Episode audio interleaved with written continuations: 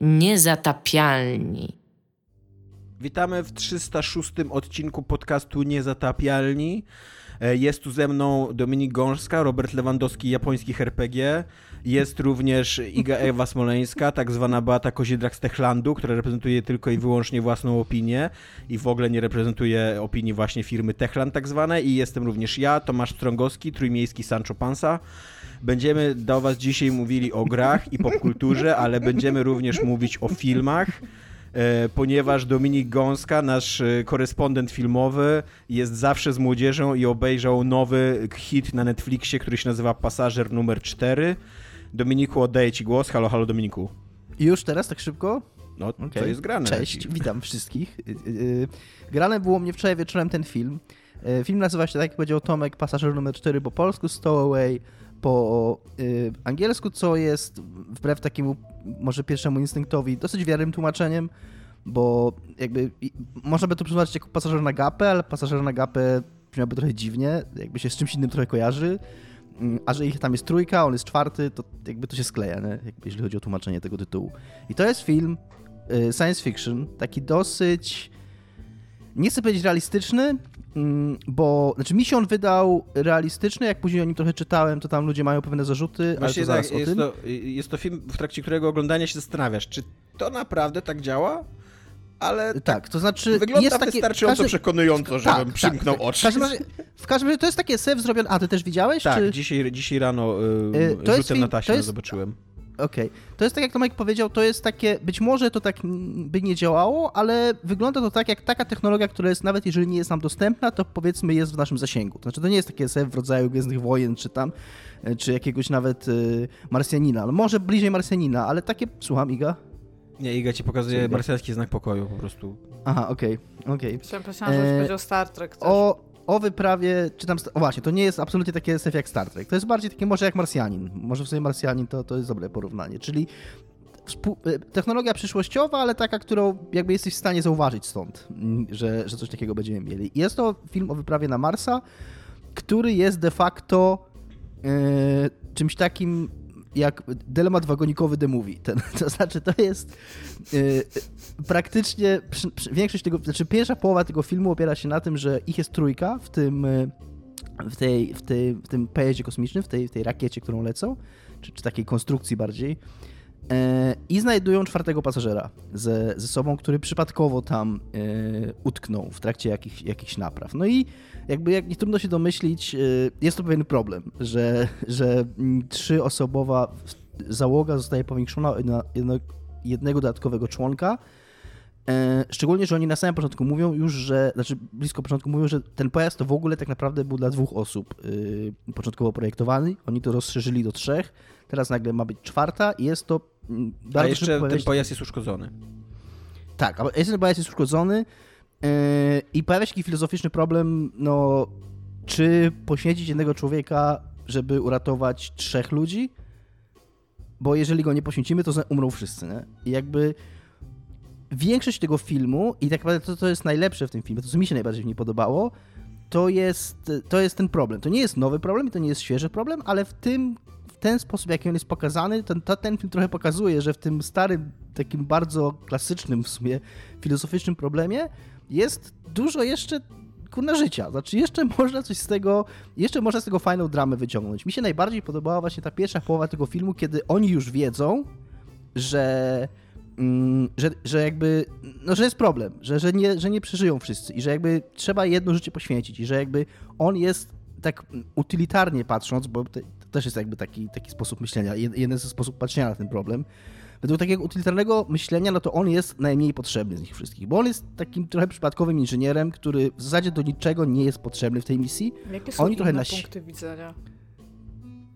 Przepraszam, bo to, to mnie bardzo interesuje. To jest jedyny punkt widzenia, jaki się powinno brać pod uwagę, oprócz tego, że można zabić trzy osoby na przykład też. też no nie, no. To nie jest może... tak, że oni kogoś zabiją, jakby, co nie? Tylko, że po prostu zginą, że nie podejmą decyzji oni za, o, znaczy, że nie podejmą decyzji tak. o zabiciu człowieka, tylko pozwolą wszystkim zginąć.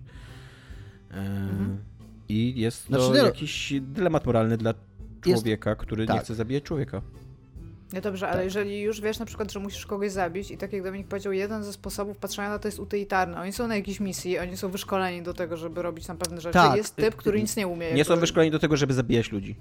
No dobra, ale jest typ, który nic nie umie. Jaki jest jakby inny punkt widzenia tego niż Humanistyczny chociażby, no, no chociażby humanistyczny. Taki, albo Czyli ona też mówi, tam się, tam się pojawia też taki wątek, y, że dla nich to będzie duże obciążenie psychiczne i tak pani kapitan mówi, że jakby kiedy ona się decyduje dać im dodatkowy czas, że oni mogą jeszcze przez jakiś czas jakby zastanawiać się, co zrobić, bo jakby il, po iluś tam dniach dopiero będzie, będzie jakby punkt bez odwrotu, nie? Więc, ma, więc ona daje im, da, prosi jakby y, dowództwo, żeby dali im dodatkowy czas, bo mówi, że obciążenie psychiczne związane z tym, że, że oni będą musieli zabić człowieka, uniemożliwi im kontynuowanie misji, więc jest, jest jeszcze, jest jeszcze taki magiczny punkt widzenia tam, poza, poza takim humanistycznym podejściem, chociaż nie wiem, czy ono było humanistyczne, ale humanistycznym podejściem, że być może lepiej pozwolić umrzeć czterem osobom, ale żadnego, żadnego z nich nie zrobić mordercy, jakby, żadnego z nich nie zmusić do zabicia człowieka, to jeszcze jest taki magiczny punkt widzenia, że oni, zwłaszcza e, postać grana przez Annę Kendrick, która tam jest gwiazdą tego filmu, e, ona ma takie, właśnie takie podejście, że coś się może wydarzyć zawsze, że zawsze możemy znaleźć rozwiązanie, możemy coś wymyślić w ostatniej chwili i wiesz, i nie wiemy tak naprawdę, co się wydarzy w przyszłości, co nie? No ale do takich y, w ogóle sytuacji nasze prawo, nasze w sensie tutaj y, wytworzone przez ludzi, jest coś takiego jak y, wyższa konieczność, mhm. tak zwana.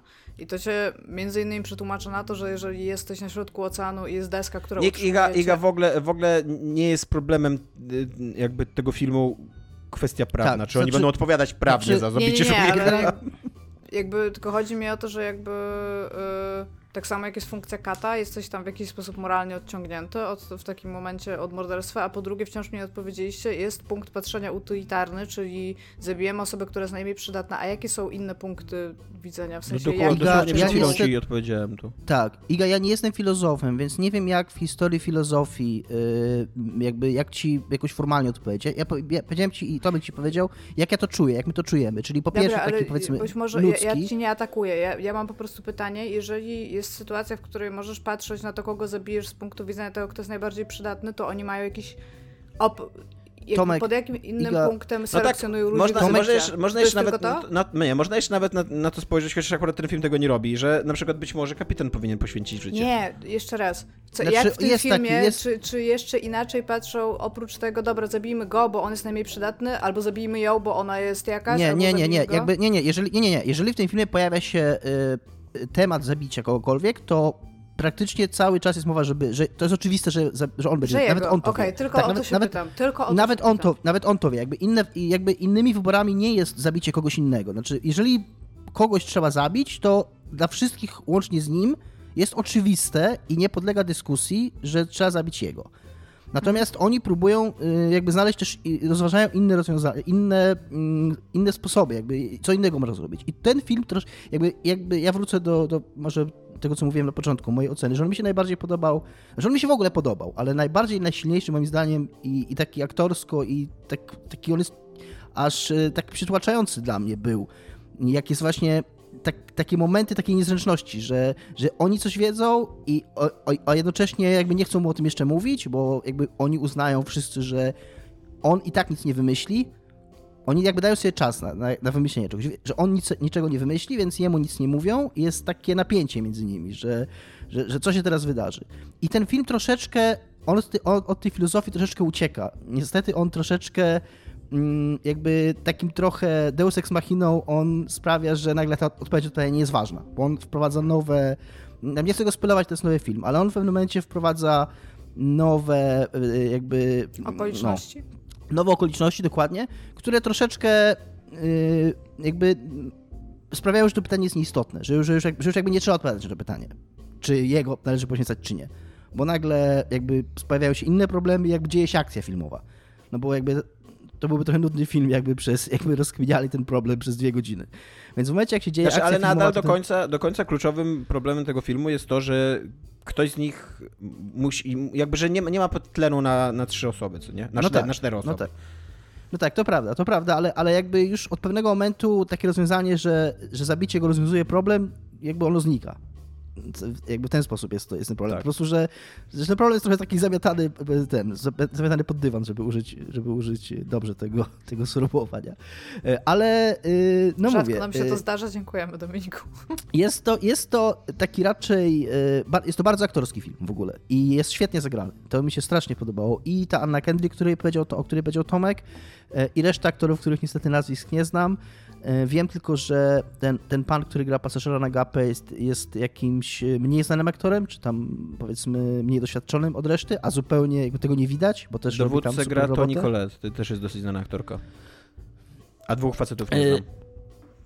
I, i, I bardzo mi się podobało w tym filmie też to, że to jest film, który się dzieje w 100% praktycznie z punktu widzenia tego pojazdu, którym oni są. To znaczy, w ogóle kamera nie wychodzi, nie pokazuje ani sytuacji na ziemi, ani bardzo rzadko też pokazuje sytuację na zewnątrz. Jakby tylko w takich kluczowych metach, kiedy oni wychodzą faktycznie na zewnątrz, to, to coś takiego, to, to ten. Ale, I te, ale też to, jest że bardzo większość- fajny zabieg formalny, w ogóle, który, który sobie tam zwróciliśmy uwagę z Iwoną na niego, że e, jakby, żeby podkreślić to, jak oni są samotni w tej próżni i jak daleko są od Ziemi i też jak są sami z tym problemem, przed którym stanęli de facto, bo tam Ziemia im może powiedzieć, co zrobić, albo co uważają, no ale de, de facto to oni muszą podjąć to działanie.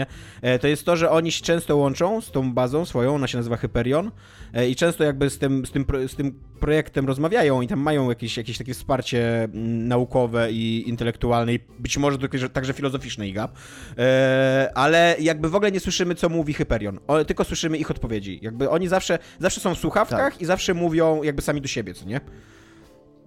I to jest mm, taki Tak. dosyć, dosyć pomysłowy, moim zdaniem, zabieg.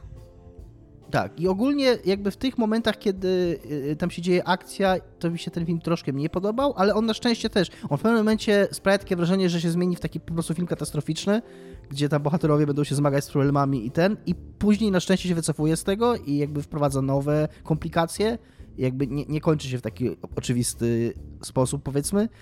E, I, I ja byłem bardzo wkręcony, bardzo mi się ten film podobał, bardzo się emocjonowałem tym, co się dzieje. E, Jak trochę o nim poczytałem dzisiaj rano, szczególnie opinii ludzi, to mi się bardzo smutno zrobiło, e, bo mm, w filmie y, dowódcę gra kobieta i, i załoga składa się z dwóch kobiet i jednego faceta, a tym pasażerem na gapę jest y, czarnoskóry człowiek, A, tym, a drugim I facetem może- jest Azjata. a drugi człowiek jest więc mo- Amerykanin pewnie, więc ale teraz- więc, więc, jakby, więc, więc w tej chwili nie, musi, nie musicie już czytać komentarzy, jakby już macie w głowie 90% tego, co ludzie piszą o tym filmie i dlaczego ten film ma tam niższą cenę na Rotten Tomatoes od ludzi niż od krytyków. Jakby wszystkie te komentarze, jakby wchodząc w te komentarze, dokładnie wiecie, co tam będzie. I niestety ja nie wiem czemu musiałem to sprawdzić i, do, i znalazłem tam dokładnie to, czego się spodziewałem i było mi bardzo smutno. E, Znalazłem też parę sensownych zarzutów z punktu widzenia naukowego, aczkolwiek wydaje mi się też, że ten film jest dosyć taki. Zrobiony w taki dosyć. e, mm, Nie chcę powiedzieć, że autentyczny naukowo sposób, ale tak jak powiedziałem, ale na tyle. Wiarygodny. e, Na, na tyle wiarygodny, że kupujesz to. E, Jest bardzo istotny zarzut, ale ja jestem pewien, że to jest świadoma decyzja twórców, że mm, tam kluczowym momentem fabularnym jest awaria pewnego systemu że w prawdziwej takiej misji oczywiście jest 15 mm, y, wersji zapasowych, backupów, y, y, części zamiennych i tak dalej, szczególnie, że to jest mała część, która tam mm, się psuje mm, i że w rzeczywistej misji coś takiego by nie miało miejsca, ale to jest po prostu zabieg fabularny i ja jestem, jestem Drugi przekonany, tak. że ludzie, którzy robi... Jestem przekonany, że ludzie, którzy... No. Drugim takim momentem, kiedy logika kolei jest oczywiście to, jak, jak wytłumaczyć, że człowiek na gapę się znalazł w kosmosie. Tak, I tak. też, też ten To film też- Ma, ta, ma taki moment, że no sami nie do końca wiemy, co nie? Tak, i, e, i to są takie dwie rzeczy, które mm, jakby ty wiesz, że, że coś takiego by się nie wydarzyło, ale wiesz również, że to jest film. E, Wiesz również, że i to, co ludzie, wszyscy ludzie oczywiście mówią szczególnie, że to jest e, taka, nie inna postać, że oczywiście powinni go od razu zabić i być może takie w rzeczywistej misji byłoby to sensowniejsze, natomiast to byłby mało ciekawy film. E, Albo, albo no, po prostu to nie byłaby historia filmowa, gdyby, gdyby tak, to się, tak to się potoczyło. No i jest jeszcze jeden, jeszcze jeden taki moment, kiedy trzeba mocno zawiesić niewiarę. Tam na końcu filmu, w, w takim punkcie kulminacyjnym, w punkt kulminacyjny toczy się według pewnego zjawiska kosmicznego, czy takiego, nie wiem jak to nazwać, y, No chodzi o burzę słoneczną, no może to nie będzie wielki spoiler, że to powiem. I wydaje mi się, że efekt zarówno wizualny, No właśnie- jak i... Bardzo się zastanawiałem, ca- czy, czy promieniowanie słoneczne jest widzialne w próżni. Bo tam, Że tam, całe tam to jest zjawisko- pokazane, że ono takie zielonkawy jakby, zielonkawe światło jakby wydziela, co nie? Bo tam chodzi o wyrzucenie Wiadomo, masy. że promieniowanie jest zielone, co jakby, Tam, tam jest to... czego nie Tam jest to- rozumiecie.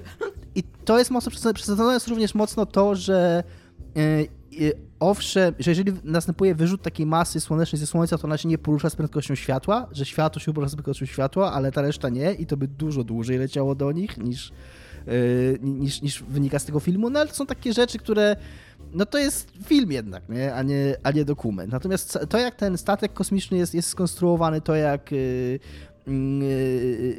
jakby jakie oni tam mają problemy, co oni tam robią, czym się oni tam zajmują, wszystko to jest takie, że, że kupujesz to. I, I ta drama jest fajna, ci aktorzy są fajni, ja naprawdę super się wkręciłem. Ja nawet bym chciał tutaj, bo te- tak, też mi się bardzo podobał ten film. Nie, nie, wątpię, żeby to był mój nowy ulubiony film science fiction, ale to są Oczywiście. do, dobrze, fajnie spędzone dwie godziny. I nawet bym chciał bronić tych y, scen akcji, nasze akcji takich w cudzysłowie, bo tam dzieje się pewne takie napięcie mm, nie psychologiczne, ale już takie wydarzeniowe, co nie, że oni po prostu muszą coś zrobić w pewnym momencie i to, to jest trudne do osiągnięcia i jest tam szereg komplikacji po drodze i oni mogą wszystko spierdzielić i tak dalej. I pomimo, że to jest taka płcizna trochę intelektualna tego filmu, no bo tak jak Dominik mówi, ja się zgadzam absolutnie, że to jest dużo ciekawszy film mm, w kategoriach moralnych niż w kategoriach tego, co tam się dzieje właśnie tak fizycznie, e, to, to te sceny są fajnie nakręcone i trzymają napięciu, jako takie czysto, czyste sekwencje Tak, dziejące tak. się w próżni, gdzie tam trzeba po prostu coś zrobić, nie? E, I bardzo, bardzo dobrze jest udźwiękowiona ta sekwencja w ogóle, że tam y, jak wchodzi cisza, to jakby się włącza taki, taki, e, e, taki hollywoodzki e, e, motyw muzyczny mający się trzymać w napięciu i nagle wchodzi cisza, to ty wiesz, że to jest jeszcze gorzej, co jakby, że tutaj... Bardzo mi się podobało w tym filmie, nie wiem, rzadko na to zwracam w filmach uwagę science fiction, ale tutaj było bardzo zauważalne to, że słońce w kosmosie było białe, co nie jest chyba takie częste, bo tutaj bardzo zwróciło moją uwagę i to jest jakby autentyczne, zgodne z, z fizyczną prawdą przedstawienie tego, jak wygląda słońce w przestrzeni kosmicznej. Nie jest absolutnie żółte, ani czerwone, ani nic takiego jakby jest żółte w naszej, w naszej atmosferze. Nie? A tu było bardzo tak fajnie, wyraźnie widać, że to jest białe światło, to, które, które dociera do słońca. Więc to mnie ucieszyło. Tak, więc y, to, tak, to wszystko. Polecamy. Czy masz coś jeszcze do powiedzenia? Y, Zastanawiam się... Możesz y, trzy czy- minuty na podsumowanie Jakuzy, ponieważ w końcu ją skończyłeś. Skończyłem Jakuzę e, Like a Dragon, tak. E, I do końca się super... Spędziłem w tej, grze, w tej grze prawie 80 godzin, 77. Do końca się bardzo spoko bawiłem. E, troszeczkę niestety gra, ma ta gra problem, że to jest pierwszy JRPG tych ludzi i bardzo to widać i ma super JRPGowy bullshit w przedostatnim bossie, który oczywiście sprzedaje ci atak potrafiący jednym atakiem zabić całą drużynę i nie do końca jesteś na to przygotowany i nie do końca możesz być na to przygotowany, możesz, ale nie musisz i nie wiesz o tym w ogóle, że powinieneś być na to przygotowany, co spowodowa- spowodowało, że musiałem cały ostatni dungeon powtarzać, więc to był taki trochę zgrzyt, ale, ale koniec końców bawiłem się super i, i bardzo tę grę polecam i swoją drogą zacząłem grać w mm, e, 13 Sentinels, czy tam 13 Sentinels e, i jedna z postaci w, w 13 Sentinels, ten, jak on się nazywa? Ten, ten e, ja nie pamiętam jeszcze jego imienia, bo ja bardzo mało jego robiłem. Nie wiem, który. Shu Amiguchi. Ten- E, Słucham? Shu Amiguchi. Nie, nie Shu Amiguchi, ten, ten i ten inny. Ten który, ten, który się zakochuje w tym, co się przebiera. O, on ma trudne Te, imię. Tajiyama, coś takiego, Taji Sama? Ja wiem, ten, który się to jest e, Tsukasa o, Okina, ten, który się przybiera. Tak, tak, I tak. to jest najlepsza postać ever. A tamten ten- się a ten nazywa jego- Sublet No to właśnie tak. To on, to jego gra, ten sam aktor mu podkłada głos w angielskiej wersji, który podkłada głos w Jezu, ty angielskiej też wersji. grasz po angielsku?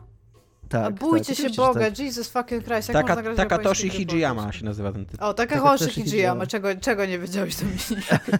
Jego głos, jego głos. Ja mam, dos, ja mam dostatecznie trudny problem, Iga, żeby zapamiętać wszystkie imiona tych postaci grając po angielsku. I to są jedyne japońskie słowa, jakie muszę, jakie muszę znać. Jakbym jeszcze grał w nią po japońsku z japońskim dubbingiem, to w ogóle bym nic z niej nie kumał. E, więc jakby od... No, e, zejdź ze mnie. W każdym razie po, angielski głos podkłada ten sam aktor, który podkłada głos pod y, Ichibana, czyli głównego bohatera Jakuzy i to jeszcze czasami aktorzy głosowi robią, mają coś takiego, że Mm, że jakby słychać, że grają inną postać, no to tutaj tak w ogóle nie jest, jakby brzmi identycznie jak, jak w Jakusie, więc skończyłem grać w jedną grę i, i jakby nie, nie, trudno mi uciec od tej Jakuzy, o, tak, że, że, że jakby czuję, że mam tu ciągle tą samą postać. Swoją drogą mm, ciekawa sprawa jest, ten aktor jest Chińczykiem przy okazji, mm, więc taka, taka śmieszna. No, że jest. Nie, ja uważam, że, że to jest ciekawe. Tak. Że angielski dubbing do japońskiej gry robi Chińczyk. Jakby, no nie wiem, no jest, to, jest to jakoś tam interesujące. Yy, i, Polecasz tak. Yakuza, Yakuza mówisz, tak? Polecam Yakuza naprawdę, nie wiem czy 10 na 10, ale solidne y, 8 z serduszkiem, o tak bym powiedział. Czy jest to lepsza gra niż Heavy Rain? Tak cię zapytam. To jest trudne pytanie. Y, patrząc z dzisiejszego punktu widzenia, tak. Jest to lepsza gra dzisiaj niż Heavy Rain jest grą dzisiaj. E, I ma. I, I naprawdę się bardzo wzruszyłem na koniec. Ma super wholesome e, historyjkę, super taka jest e, słuszna, dobra i prawa. I, i tak. I, i, I należy ją kochać. I, bardzo się cieszę, Bo... że Mam taką refleksję więcej. trochę, jak, jak słucham o tej Jakuzie od ciebie i jak też grałem teraz 13 Sentinels, że w ogóle Japończycy mają coś, czego europejska kultura, popkultura bardzo unika, zwłaszcza gry wideo. Nie boją się tworzyć postaci bezinteresownie dobrych, takich po prostu do szpiku kości, poczciwych, uczynnych i, i, i dobrych. Jakby my, e, wydaje mi się, że na zachodzie jesteśmy jakoś zakochani w skomplikowanych antybohaterach, którzy tam muszą wybierać między dobrem i złem i gdzieś w szarościach poruszając, nie? A Japończycy właśnie mają takie, że no spoko, to, to, ten, ten typ jest dobry, chce czynić dobro, lubi się go i... Jeszcze przy okazji ten Ichiban z Yakuzy, nie dość, że jest taki jak mówisz, to on jeszcze jest taki totalnie w ogóle oddany yy taki, taki, ma taki kodeks honorowy, który jest totalnie w ogóle nie do, nie do ruszenia, jakby w ogóle nie do zakwestionowania. I choćby ku mu najgorszy gówno zrobić, i choćby po prostu go stłamsić, e, prawie zabić, wyrzucić na śmietnik, coś tam literalnie dzieje, on jest tam prawie zabity i wyrzucony na śmietnik. Przez człowieka, którego uważał za najważniejszego w swoim życiu. To i jakby na każdym kroku mu jest pokazywane, że że ten człowiek, że z nim nie liczy i że on nic dla niego nie znaczy i że to wszystko było kłamstwo i on, do, i on ani na moment jakby ani nie drgnie jego wiara w to, że, że nie, że to nie jest prawda, że to nie jest tak, że ja muszę postępować według tego, w co wierzę i jakby nie drgnąć ani na moment i, i taki jest przez całą grę i to jest wspaniałe, naprawdę i to jest takie, takie że aż serce rośnie. takich ludzi. Tak, i to i po prostu aż serce rośnie jak, jak ta, i, że, i że przy okazji ta gra jest uczciwa wobec niego, jakby nie wyśmiewa tego, nie, tak, jakby, że, tak. to nie, że, to nie, że on nie jest pokazany jako, jako naiwniak, że tak uważa, tylko, tylko właśnie sympatia twórców jest z nim, że jakby sympatia tej historii jest z nim, że, że on robi słusznie i że on postępuje właściwie. I to jest takie bardzo budujące, tak. I jakby chyba to jest to, co mi się najbardziej podobało w tej grze. Również y, taką grą zaludnioną przez całą masę y, prostych, moralnie, bezinteresownie dobrych y, ludzi jest Cyberpunk 2077. O tak. Tutaj naszym ekspertem od Cyberpunka 2077 w tym tygodniu jest Iga Ewa Smoleńska. Iga, oddaję Ci głos. Halo, halo Iga. Dziękuję. Ja na samym początku chciałam Was serdecznie przeprosić, jeżeli więcej ziewam. Ja jestem czwarty dzień bez kawy, zrobiłam sobie detoks i to jest masakra w ogóle. Jeżeli pije, nie wiem ile pijecie kawy dziennie, ile pijecie kawy dziennie? Ja piję kawę tygodniowo mniej więcej. Jedną, może dwie. Okay. Ja, tak z, ja tak z jedną dziennie, nie, nie codziennie. Ja, ja pijam dwie dziennie, czasami trzy, jak był ten i po prostu jak teraz w ogóle odstawiałam tak z dnia na dzień, to, to, to ja się czuję, się czuję fatalnie. No, w każdym razie. Tak, Cyberpunk 2077 e, w odróżnieniu od tego, co powiedział Tomek, nie był grą zaludnioną w ogóle przez wielu ludzi. E, po drugie, przez ludzi, którzy byli e, jacyś określeni moralnie, ponieważ było tam jakieś sześć postaci może razem. Oczywiście przesadzam, było trochę więcej, ale nie za wiele. E, natomiast najprawdopodobniej, może z 8, najprawdopodobniej nie doczekamy się, żeby ten świat zaludnił się graczami, ponieważ e, ten standalone multiplayer e, tryb, który obiecali na rok... Znaczy nie obiecali, chyba to trzeba, no, trzeba uczciwie przyznać, znaczy, że oni nic może nie obiecywali, nie obiecali, ale tak. wspominali. Ale wspominali, że będzie, że to będzie standalone i tak jakby cyrklowali, że może 2022 rok to będzie rok, w którym możemy się spodziewać tego, jako czegoś osobnego jakby do, do singla tutaj. E, w tym momencie zostało jasno powiedziane, że to zostało, e, jakby przemyśleli swoje kroki po premierze e, tej podstawki single player i stwierdzili, że być może nie będzie to najlepszy, najlepsza droga, w którą mogą iść jakby w tym momencie, więc jakby nie jest tak, że powiedzieli kiedy wyjdzie, albo ani czego przesuwa, ani czy cokolwiek innego z tym się wiąże, natomiast najprawdopodobniej możemy się go doczekać jako dodatku do single player po prostu w tym momencie. E, nie, nie powiedzieli nic jakby na temat e, tego, jak mówiłem, żadnych konkretów, nie, nie ma ani ceny, nie ma ani tego, jak to będzie wyglądało, ani kiedy możemy się tego spodziewać. Najprawdopodobniej no po prostu ludzie w tym momencie naprawiają podstawową wersję gry, więc pewnie tam w tym, to, to jest spekulacja, ale najprawdopodobniej tam jest w tym momencie gro e, deweloperów CD-ów, którzy mają usiąść i to naprawić.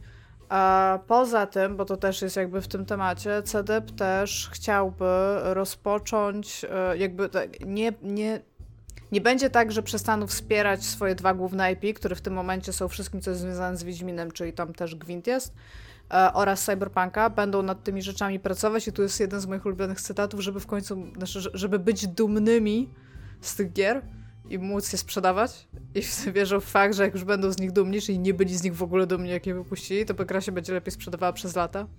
Eee, Cyberpunk nie wrócił oni jeszcze mają, na... Oni mają dosyć jedną relację z, z, ze swoją dumą z tej gry.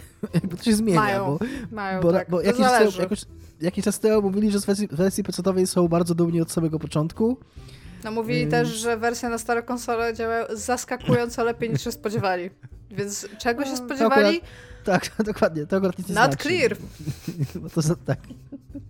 E, no, w każdym razie będą w końcu z niej dumni, co może oznaczać, znaczy, że ty, graczu, również też może być mi się wydaje, Mi się wydaje, że przynajmniej kilka osób w tej firmie y, mogło być dumnych y, z tego, co CD Projekt Red osiągnął w 2020 roku ponieważ fun fact, bo w ogóle, w ogóle dużo, dużo fun factów teraz wypłynęło dookoła CD Projekt Red, bo CD Projekt Red musiał złożyć E, raport e, przed akcjonariuszami. E, fun fact, zarząd CD Projekt Red wypłaci sobie rekordową, jak na Polskę, premię 106 milionów złotych łącznie dla wszystkich. Cztery osoby są chyba w tym ścisłym zarządzie. Więc to, wydaje się, że ogóle, czują się brzmi... dosyć, jakby, że jakby dobrą, dobrą robotę zrobili. To brzmi super sinister, jak się mówi, że zarząd wypłaci sobie premię. To, brzmi, no bo, to brzmi nie, po prostu no, tak, Iga. jakby siedzieli tacy ty... Nie, poczekaj, jakby siedzieli... Ja ci mówię, jak to brzmi, Dominik. Mhm. Jakby siedzieli tacy typi w takich białych rękawiczkach, czarnych rękawiczkach skórzanych. Nie, nie, ale Iga, absolutnie, ja się absolutnie nie zgadzam. Jeżeli ktokolwiek coś zawinił przy Cyberpunku, to przecież wiemy, że zawinili testerzy, no zawinili tak, programiści. Zarząd nic złego tej grze nie zrobił i żadnych złych decyzji nie podjął, więc jeżeli komuś się należy premia, to przecież oczywiście, że im. Ale w ogóle to, że oni sobie sami wypłacają tą premię, to jest jeszcze takie, no. jeszcze po dwakroć sinister. Nie, no ja oczywiście, oczywiście ironizuję, bo to jest, no, chyba wszyscy wiemy, że właśnie jest wręcz Ale... na odwrót, tak? Tak, ale z drugiej strony, nie wiem czy pamiętacie, CD powiedział bardzo szybko, że podzielą i teraz bodajże 10% zysków. Tylko, tak. że nie wiem, czy zysków ze sprzedaży Cyberpunka, czy w ogóle zysków firmowych jakby, e, pomiędzy devów. Mhm. Więc jakby im więcej zebrają, no to jakby wciąż tym więcej ci devowie zbiorą, co jest, co jest dobre. Tak jak, tak jak mówiliśmy już wcześniej, jak na samym początku myśleliście, że to jest cool, to teraz pomyślcie, czemu 10% a nie 40%, bo to też można by było właściwie, nikt, nikt nie mówi, jest, że nie można tak w, zrobić. W artykule, który mam teraz otwarty na Business Insiderze jest nawet o tym mowa, że to um, jakby te premie wypłacane de facto, znaczy, kurde, to jest tak, tak dziwnie to jest policzone, że e, przeciętny zatrudniony i współpracownik CD Projekt mógł otrzymać w ubiegłym roku około 32 tysiące złotych wypłaty miesięcznie e, w kosztach pracodawcy. Czyli, że tam łącznie to jest wszystko tam jeszcze z tymi podatkami mhm. i, i ZUS-ami i tak dalej, co nie? E, więc, więc tak to wygląda, co nie? Tylko Przeliczając na wynagrodzenie też... przy umowie o pracę daje to 26 tysięcy złotych brutto i 18 tysięcy złotych netto. Tylko, że to też ma e, tak troszeczkę, że zwykle to jest robione tak, tak. No, że wiadomo, że jakiś junior nie dostanie tak, tyle tak, samo, tak. co dostanie lead, nie? Tak, tak, no, no to jest przeciętnie, jakby... co nie? Tak, tak, no więc... No w każdym razie dobrze, żeby ci Devi dostaje pieniądze, to, to, to jest tam super. To, że zarząd sobie wypłaca tam jakieś, a tam nowe mieszkanie, nowy dom tutaj albo tutaj, to tam okej, okay, jakby. Daliście pieniądze, wyjęliście pieniądze, you go girls, tam po prostu. A co więcej, e, właśnie, bo, bo jeszcze miałam powiedzieć. Mm, poczekaj, muszę, muszę szybko spojrzeć na tytuły. A... Że będzie Zanim się jeszcze sprzedawał tytuły, przez lata. Tak, to zanim słucham, Iga spojrzy na tytuły, to ja chcę jeszcze jedną rzecz powiedzieć, która mm, jest taka śmierdząca wokół, wokół tego wszystkiego, mm, podobnie jak te premie dla zarządu.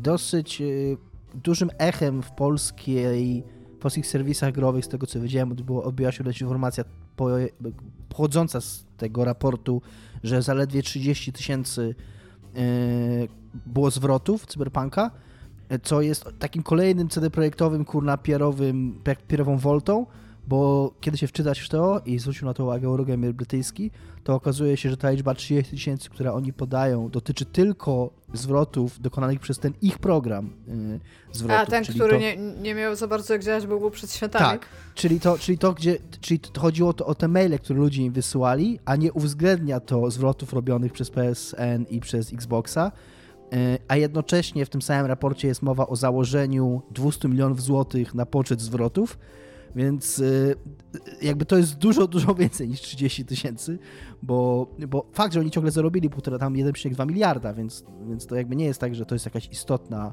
mm, istotna liczba, ale to jest ciągle jakby w stosunku do... To wciąż jest bardzo dużo pieniędzy. Ale to jest wciąż bardzo dużo, to jest, to jest wciąż mniej więcej tyle, ile kosztował cały Więcej cyberpunk. Ja bym chciała, Mają... po, znaczy, to jest tak, jeżeli ktokolwiek z was, jeżeli ktokolwiek z was, kto nas słuchają, dostaje taki refund od nich, to weźcie się proszę, napiszcie do mnie prywatnie. Znaczy do w każdym razie, no, to też te, te, dwie, te, te 200 milionów to też jest tam w takim kontekście po prostu y, podane y, środków zabezpieczonych na, na te zwroty. To nie jest, że tak. oni tyle, tyle wypłacili. Natomiast y, y daje to mm, jakby do zrozumienia, że to jest dużo, dużo więcej niż 30 tysięcy i że to nie jest wcale tak, że prawie nikt nie zwracał. To jest wciąż, wciąż istotna, istotny procent graczy jednak dokonało tych zwrotów. Tak.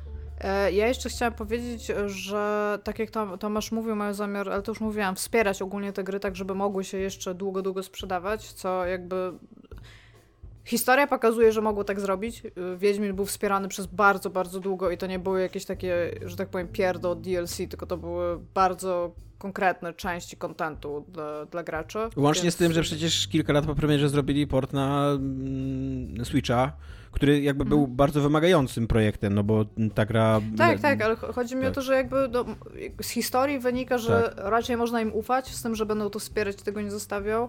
E, natomiast co jeszcze chciałam powiedzieć, to w, powiedzieli też, że w 2022 roku, e, że, że tak, najpierw na, na tych samych jakby ogło ogłoszeniach, tam raportach i zarządach, w sensie, które się działy, tam zebrania w trakcie tych ostatnich dni, kiedy skąd te newsy wyszły, powiedzieli również, że nie popełnią jakby takiego samego błędu, jak zrobili teraz z Cyberpunkiem, czyli marketing zaczną troszeczkę później, jednak w te kwestie developmentu gry, co zalecam ogólnie wszystkim firmom, to jest to Wydaje to jest mi się, dobrze. że mogli już kiedyś coś takiego powiedzieć, że oni by Myślę, chcieli iść śladem Bethesdy, nawet wręcz tak. takie, takie zdanie tak, było. Tak, tak, I przez pół roku tylko reklamować tak, Cyberpunka. Bethesda tutaj jest takim jakby filarem, jeżeli chodzi o to, że można robić y, jakby marketing, y, od razu wydać praktycznie grę, a jeszcze, znaczy praktycznie na pół roku po, te, po ogłoszeniu wydać grę, a jeszcze w tym samym dniu, w którym została ogłoszona, dać ludziom najlepszego Fallouta, jakiego w życiu zrobiła wasza firma.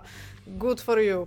W każdym razie oprócz tego powiedzieli też, że w 2022 roku mają zamiar troszeczkę zdywersyfikować jakby swoje teamy w taki sposób, żeby pracowały nad kilkoma projektami naraz.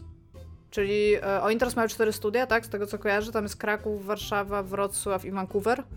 Więc e, no, mają przynajmniej cztery siedziby, które mogłyby coś takiego zrobić. I oczywiście, jeżeli chcą mniej projektów, no to też mogą je jakoś pomiędzy tymi studiami podzielić, ale no, mają dostatecznie dużo ludzi i dostatecznie dużą infrastruktury, żeby coś takiego przedsięwziąć. No i poza tym są bardzo bogatą i liczną firmą, więc jakby dlaczego nie? Wydaje mi się, że to może spowodować, że może wyjść kilka jakby mniejszych, aczkolwiek bardziej dopracowanych niż Cyberpunk projektów, ale czy to powiedzieć dużo? Nie, nie, to nie jest powiedziane dużo z mojej strony. Więc ogólnie w CDP się dzieje. Będzie wam brakowało tego multi do Cyberpunka? Jakoś, w jakikolwiek sposób się nastawiliście na to? Nie. Znaczy ja po pierwsze nie gram w multi, a po drugie ja ostatnio się zastanawiałam, czy jak wyjdą te patche i będzie więcej kontentu do Cyberpunka, czy będę chciała wrócić. I u mnie w domu Cyberpunk był, był ograny po prostu masakrycznie mocno, bo my w domu przeszliśmy go cztery razy. Ja nie wiem, czy ktokolwiek w ogóle przeszedł Cyberpunka cztery razy, tam z, jakby Dominik? tak anegdotycznie. Czy przeszedłeś Przeszedłem- do Cyberpunka cztery razy? Przeszedłem prawie dwa i przechodzę trzeci, no. Patent jest taki, że ka każdy z tych to był, to, to oczywiście tam pierwsze to były takie przejścia, żeby zobaczyć co tam i jak tam, a te kolejne to były praktycznie zobaczmy jak można zepsuć tą grę i to jest masakra ile w tej grze rzeczy nie działa i jakby czy ja chcę wrócić jak będzie działało? Chyba nie, bo jakby wyciągnęłam fan teraz, musieliby dodać takie naprawdę, wiecie, 30 godzin nowej jakiejś side missions, nie? Albo Ja- coś takiego, że mi się realnie chciało jeszcze raz usiąść w to pograć. Ja jestem jakby Rozmawiałem- dan z Cyberpunkiem. Rozmawiałem ostatnio trochę z Radkiem Czyżem, pozdrawiamy, który, który gra teraz się wkręcił w Cyberpunka. I, i, I rozmawiając z nim po raz kolejny doszedłem do takiego wniosku i, on też, on też taką, taką tezę y, ze mną sformułował, że, że, to, że to jest trochę taka gra, która wygląda jak takie korporacyjne przyciąganie liny, że ona próbuje być trochę za wieloma rzeczami naraz i że ona by bardzo zyskała na tym, na takim jakby większym direction, takiej lepszej reżyserii, takiej lepszej jakby na, na, na tym, żeby ktoś decydował, czym ta gra w ogóle ma być i, i czym jak powinna być Konkretniejszej sprzedawana.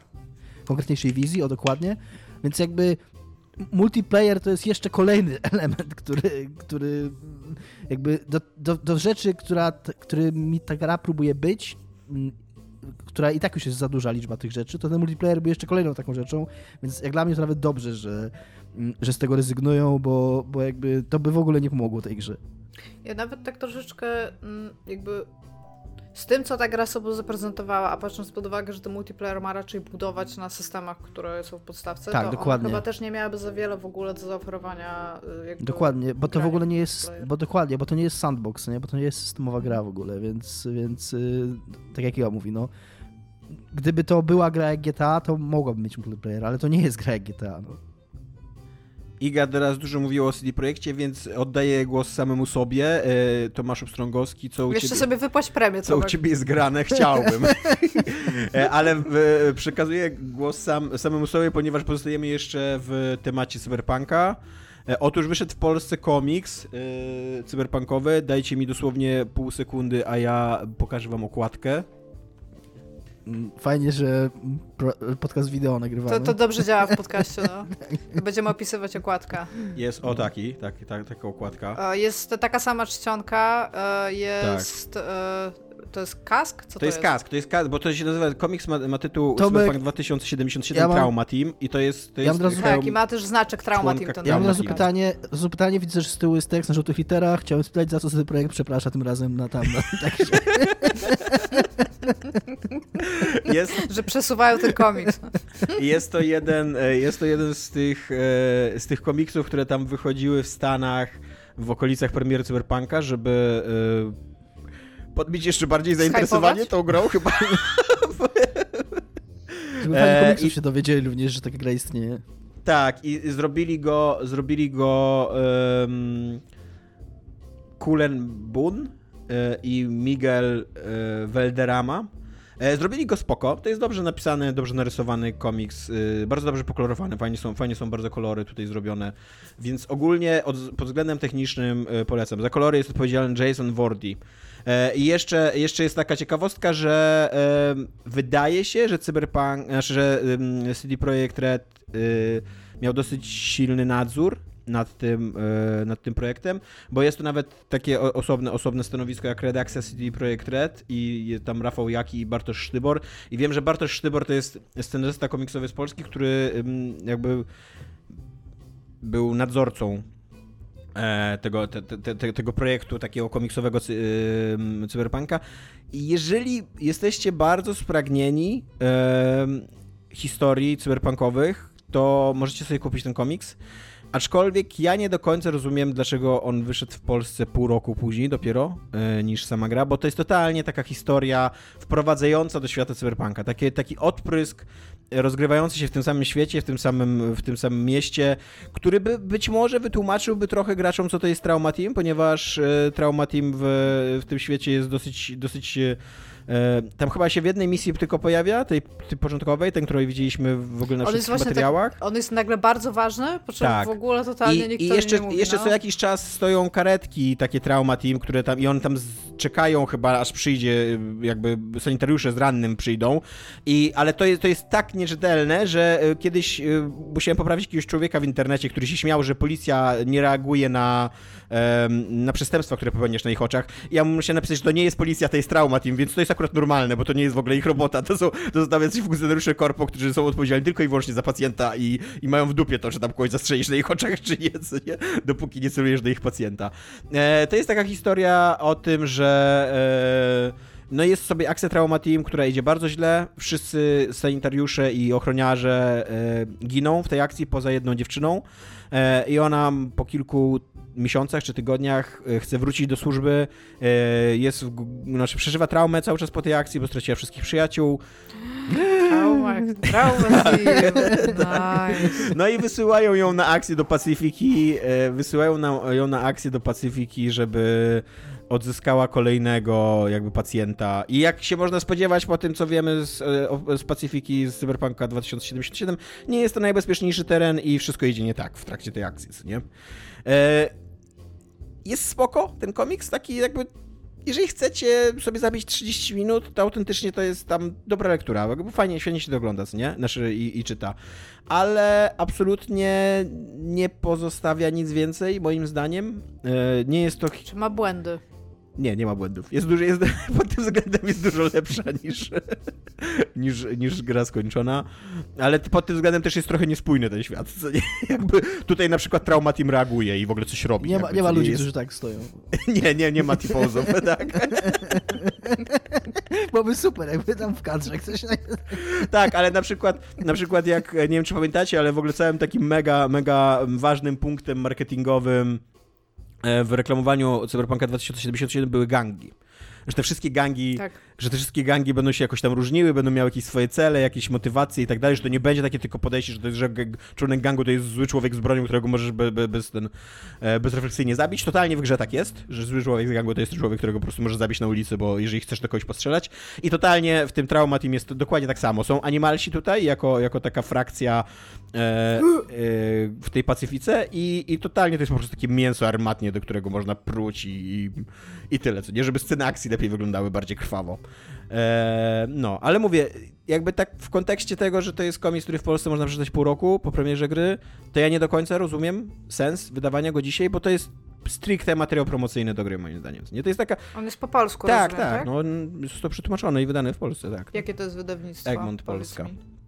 A e, w Stanach to wydało Dark Horse, więc dosyć e, bardzo znane, bardzo znane wydawnictwo w Stanach, co nie?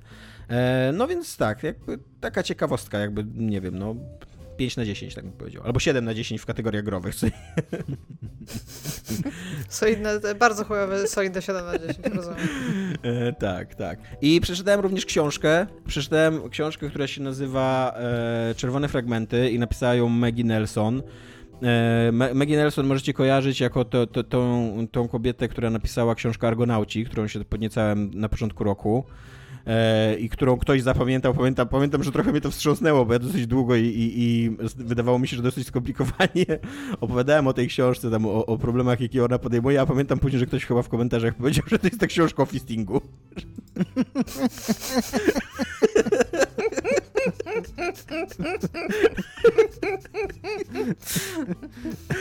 Ogólnie to bardzo kocham naszych słuchaczy, to jest super. I- To jest tak samo, jak cały czas e, mówiłam wam o Katała Shoujo, jak super jest napisany, jak fajnie, że Tak, ludzie coś tak. takiego zrobili, to cały czas będzie grał seksie analnym w shopie, no. Tak, tak, to prawda. W, w shopie? E, Znaczy Insider Kun? W shopie, takim... Tak. Gdzie się wyrzuca Dominika z rozmowy? E, tak, e, Iga, e, jest to książka, którą może, może ciebie zainteresować, bo jest to książka totalnie e, stargetowana na Basic White Chick. E, jest o morderstwa? Jest o morderstwie, jest, to jest bardzo ciekawa historia. To jest, to jest od, razu, od razu zdradzę, jakby spoiler alert, to jest, to jest średnia książka na bardzo ciekawy temat. E, w latach 60. To jest, to jest najlepiej. W latach 60. w latach 60. siostra matki głównej, y, siostra matki autorki, to jest autentyczna historia, siostra matki autorki w latach 60. została zamordowana. Ciotka autorki. Jej ciotka, tak, dokładnie.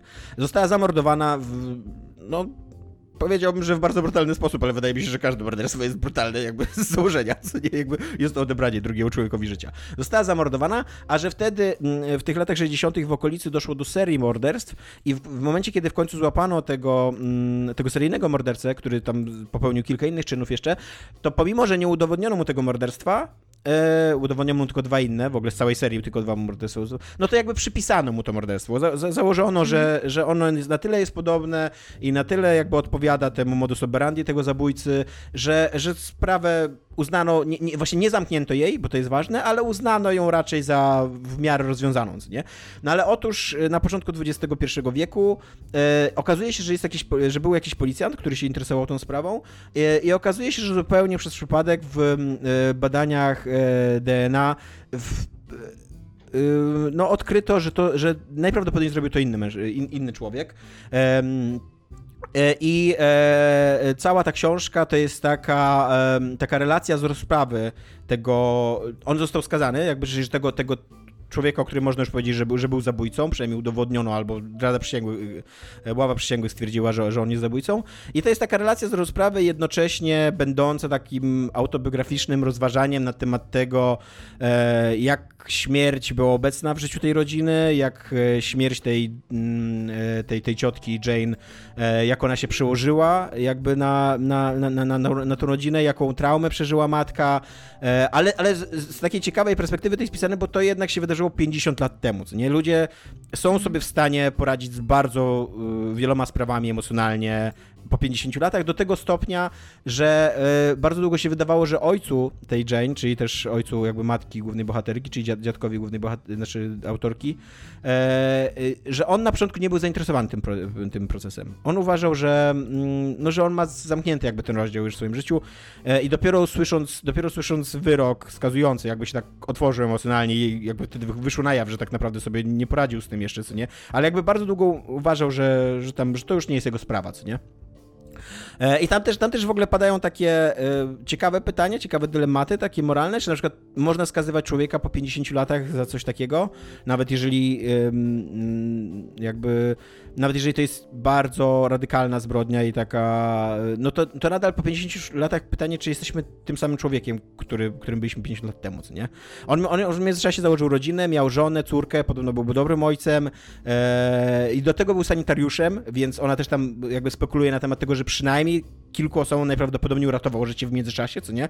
Na ile ta zbrodnia może ulec jakiemuś, jakiemuś wybaczeniu i tak dalej. I to by było super ciekawe, gdyby nie to, że ta książka w ogóle nie jest na tym skupiona. Jakby to, jest, to są takie rozważania, które są y, prowadzone jakby na marginesie, bo to jest książka autobiograficzna y, i ona jest przede wszystkim autorce, o tej Maggie Nelson.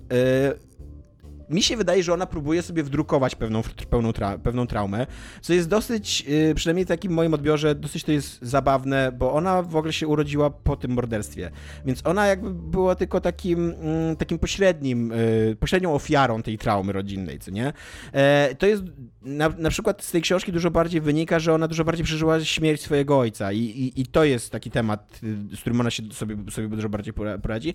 E, znaczy musi sobie poradzić dużo bardziej, a a cała ta książka e, niestety sprawia takie wrażenie, z, próby złapania po prostu medialnego tematu. Takiego tematu, o którym wiesz, że, że jest, y, że się no sprzeda, nie? To jest to, co ty powiedziałeś, że to jest taki basic tak. white bitch literature Tak, momencie. zwłaszcza, zwłaszcza, że to, się, to teraz schodzi z półek tak, są książki o górach i książki o morderstwach. To jest teraz Zwłaszcza, że to jest, zwłaszcza, że to jest druga książka, w której mm, Maggie Nelson próbuje sobie poradzić, znaczy zmierzyć się z tym tematem, bo ona e, wydała też tom wierszy takich e, autobiograficznych na temat tego morderstwa na temat tego, jak, jak rodzina sobie tam próbowała radzić z tym i tak dalej, co nie? E, I e, więc tak, i, i jakby to jest o tyle, mm, o tyle rozczarowujące, że jakby bardzo, bardzo mocno widać, że, że mm, ta Maggie Nelson i jej życie, które wydaje się, przy, przy jakby porówny, porównując wagę tematów, co nie, dużo mniej zajmujące przy takiej historii, no że ona wychodzi na pierwszy plan. Co nie, to jest, to jest do tego stopnia, że ona idąc na proces, jakby, y, bo, on, y, bo tam w pierwszej ławce, tej ławce, ławki, ławce takiej dla ofiary, mm, dla, dla rodziny ofiary, e, siedziała tylko ona i jej matka. Co też, co też tam, tam jest też taki ciekawy dylemat, bo nikt nie chciał, jakby nikt z rodziny nie chciał siedzieć w tej ławce, ale ym, no, doszli do wniosku, że ktoś musi, że, bo, że jak to będzie wyglądało w ogóle na procesie, jak nikogo tam nie będzie, co nie?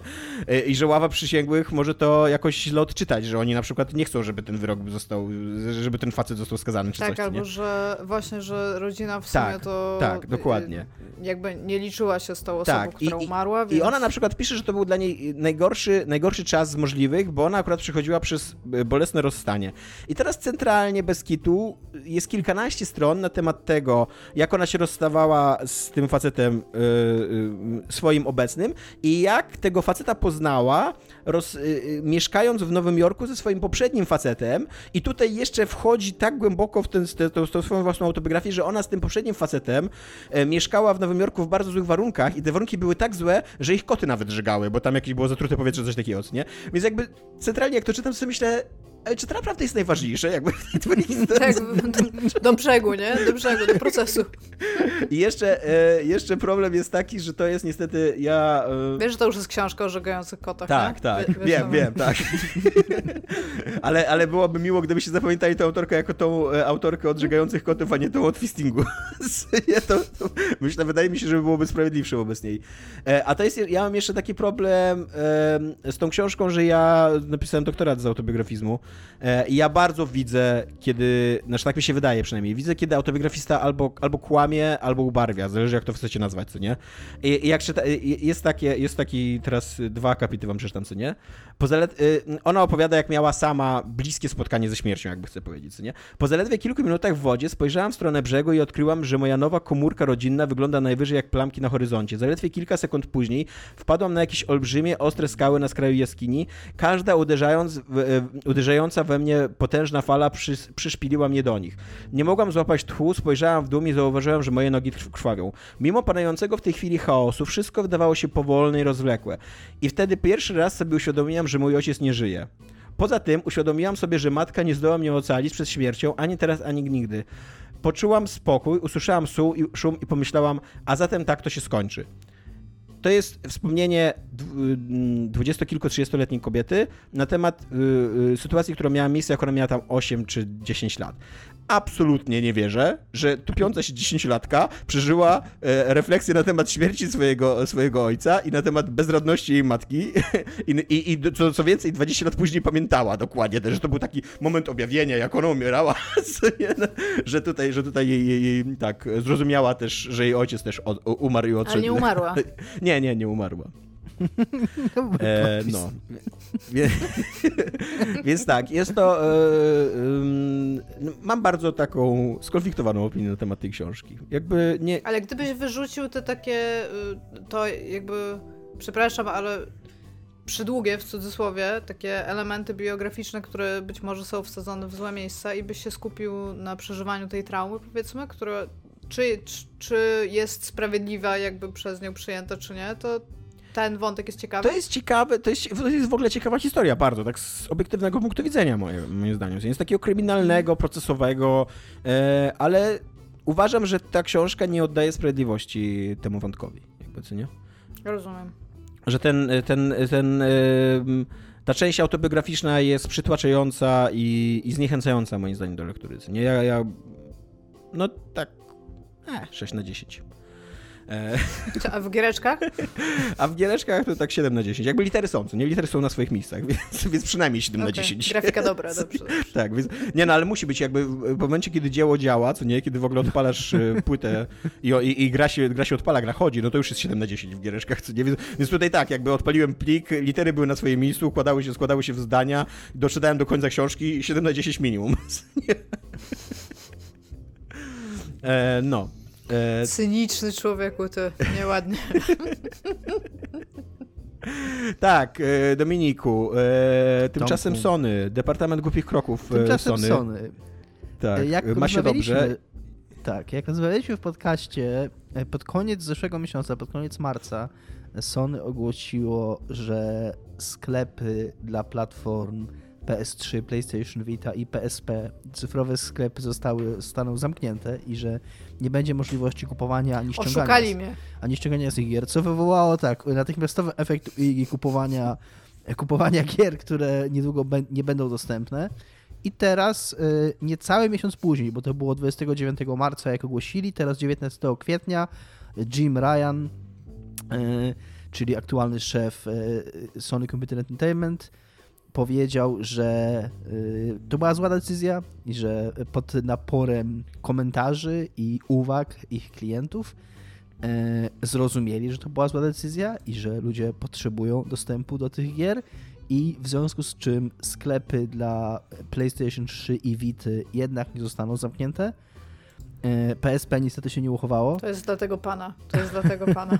Iga, e, Iga pomimo, że nagrywa podcast z nami ile, z 7 lat już, jeszcze nie pojęła, że... Ja nie rozumiem, że nie widać, nie tak? To, to, co ona pokazuje. Więc teraz Iga pokazała faka, a przed chwilą jeszcze te, tego już nie komentowałem, ale teraz już powiem, że przed chwilą jeszcze pokazała, że ma, że ma Witę tutaj e, i tak. Ja bym chciała powiedzieć, że jak miałam 18 miesięcy, to jest pierwszy raz, kiedy moi rodzice nagrali mój głos i ja wtedy już nie rozumiałam, znaczy to, to już był moment, w którym po prostu mogłam zostać olśniona, ale nie, nie zostałam, że mikrofon nie pokazuje dźwięku i jedyne co mówię oprócz wierszy i jakichś rzeczy w tym nagraniu, to jest, ja teraz wam pokażę jak Iga kopie i kopię piłkę z tyłu.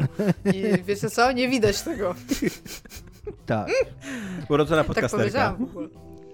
Powiedziałam, ja teraz wam pokażę jak Iga kopę. O kopę mówiłem, nie kopię.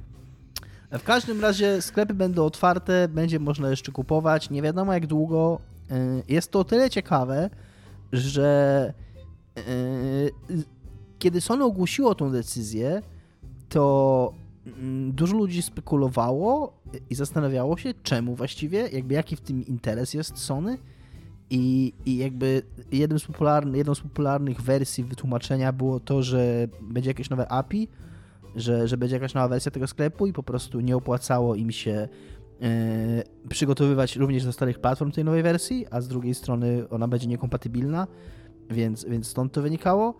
Yy, nie wiem na ile to się skleja z tą nową decyzją, ale Jim Ryan powiedział, że, yy, że się cieszy, że mm, ta część historii pozostanie żywa dla graczy, podczas gdy oni wciąż będą tworzyć najnowocześniejsze cutting edge, czyli takie no... Tonący krawędź. Stojące... Tak, tak. krojące, krojące krawędź gry na PS4, PS5 i, i VR. Yy... Znaczy, z jednej strony ja trochę rozumiem IGA, z drugiej strony to jest chyba dobra decyzja. No koniec końców. Yy... Nie, no ogólnie to ja się cieszę, tylko że ja, ja wpadłam kurde w taką bo to ja jestem głupia. Ja jestem tym głupim konsumentem tutaj. Zamiast, yy, wiesz, stwierdzić, nie wiem, ile ja gram na tej wicie i poczekać do tego lipca, bo one przecież nie miały teraz być zamykane, tylko w lipcu. I się zastanowić, jakich gier potrzebuję albo coś takiego, to ja w ogóle wpadłam w panikę, że zaraz będę mieć yy, tą konsolę, której już praktycznie nie używam, ale teraz jeszcze w ogóle po dwakroć w jakiś sposób nie będę mogła jej używać, bo nie będzie już tego sklepu. No i stwierdziłam, że kupię sobie rzeczy, które mogą mi uciec, no i zaczęłam je kupować. Czy to jest wina tego pana? Nie, to jest kurde moja wina, tylko i wyłącznie. Jak wydaję moje pieniądze na rzeczy, na które nie powinnam ich wydawać, to zawsze jest moja wina, no. Oh.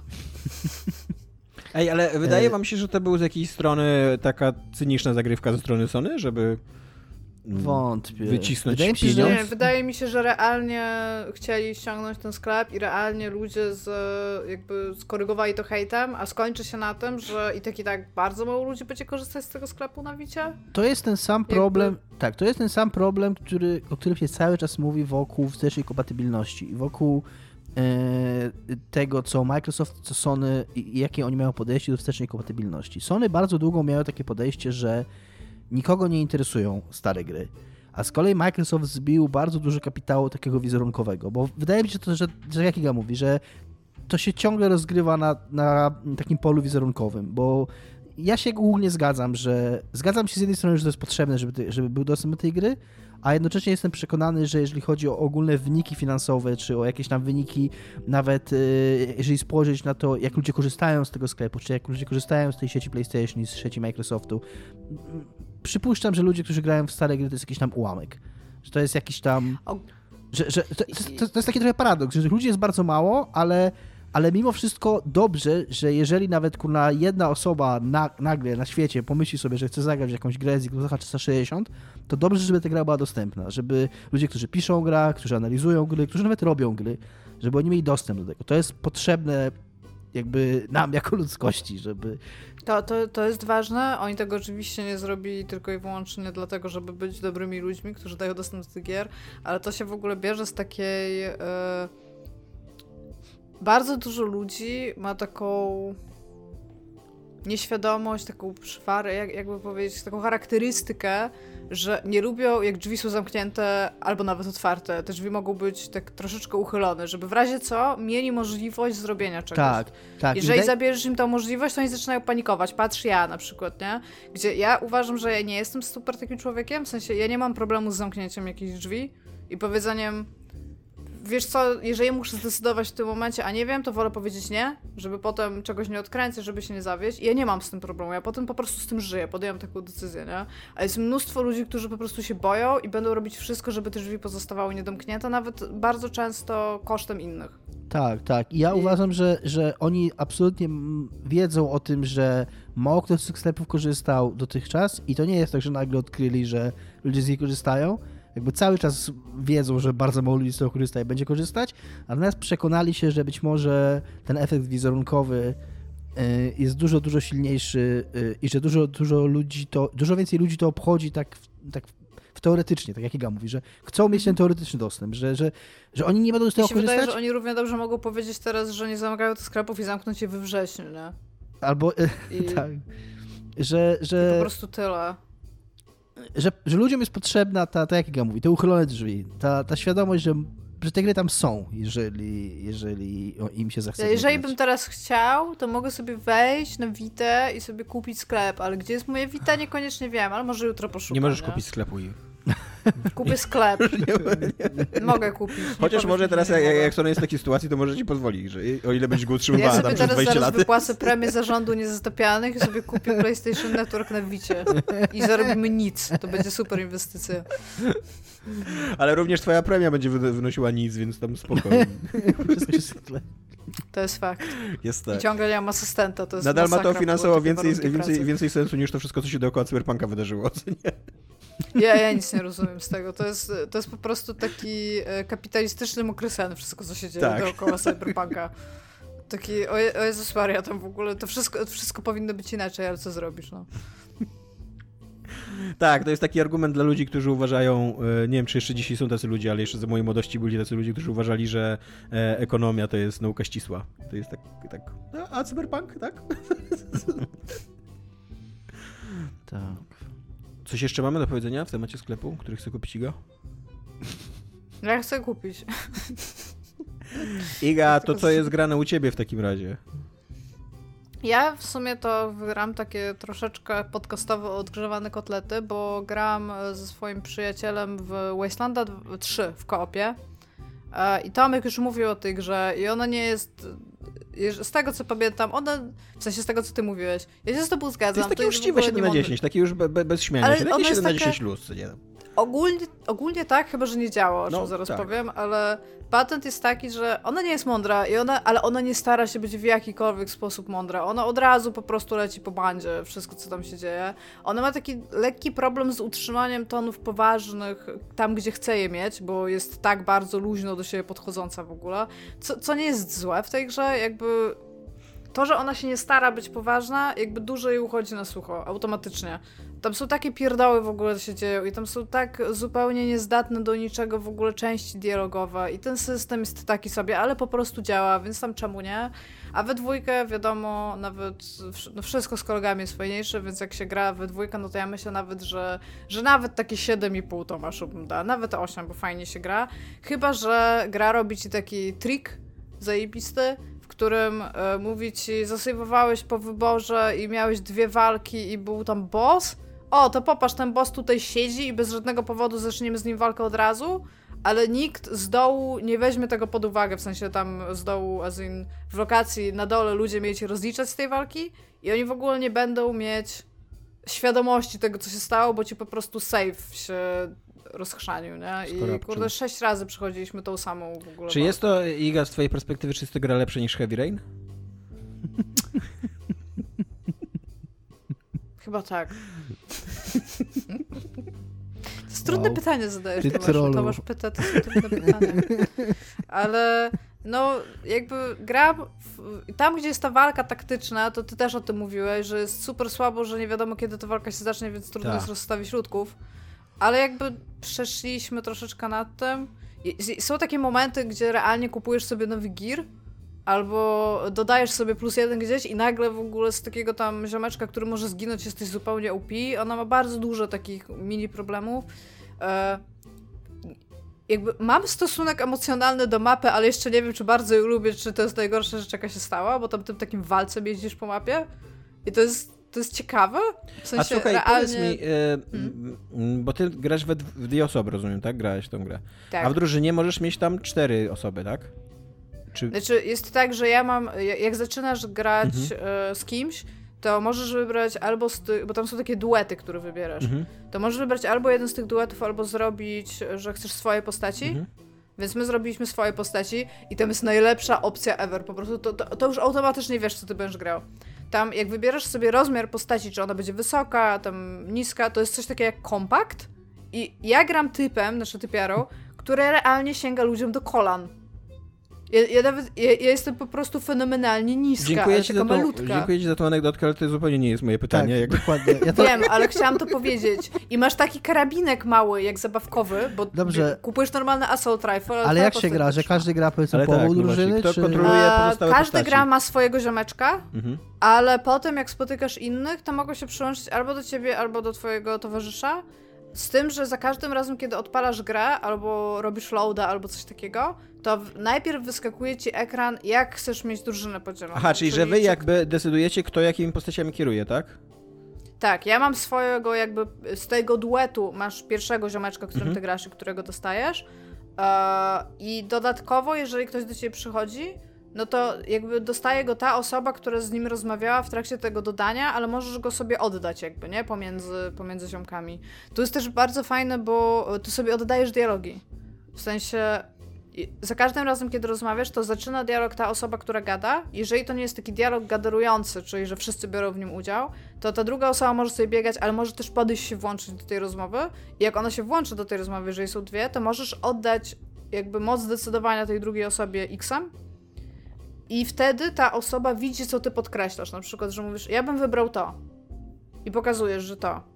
Okay, I ta druga osoba może z tego odnieść i mówi, dobra, to jest moja, to jest moja rozmowa, nie wybiorę tego, nie? Mam, mam to gdzieś. To jest spoko, no a, czy jeżeli, e... a czy jeżeli jedna osoba powie jedno, a druga drugie, to czy gra się w kapie Ta druga nie klika, on możesz a, zaznaczyć, okay. nie możesz kliknąć. To Divinity... i zawsze jedna osoba włada jakby rozmową, to było fajne, tak? To, to było jest, fajne, rozmawiasz z nim. To było fajne w Divinity pierwszym, niestety w Nic nie było fajnego w Divinity. To było fajne.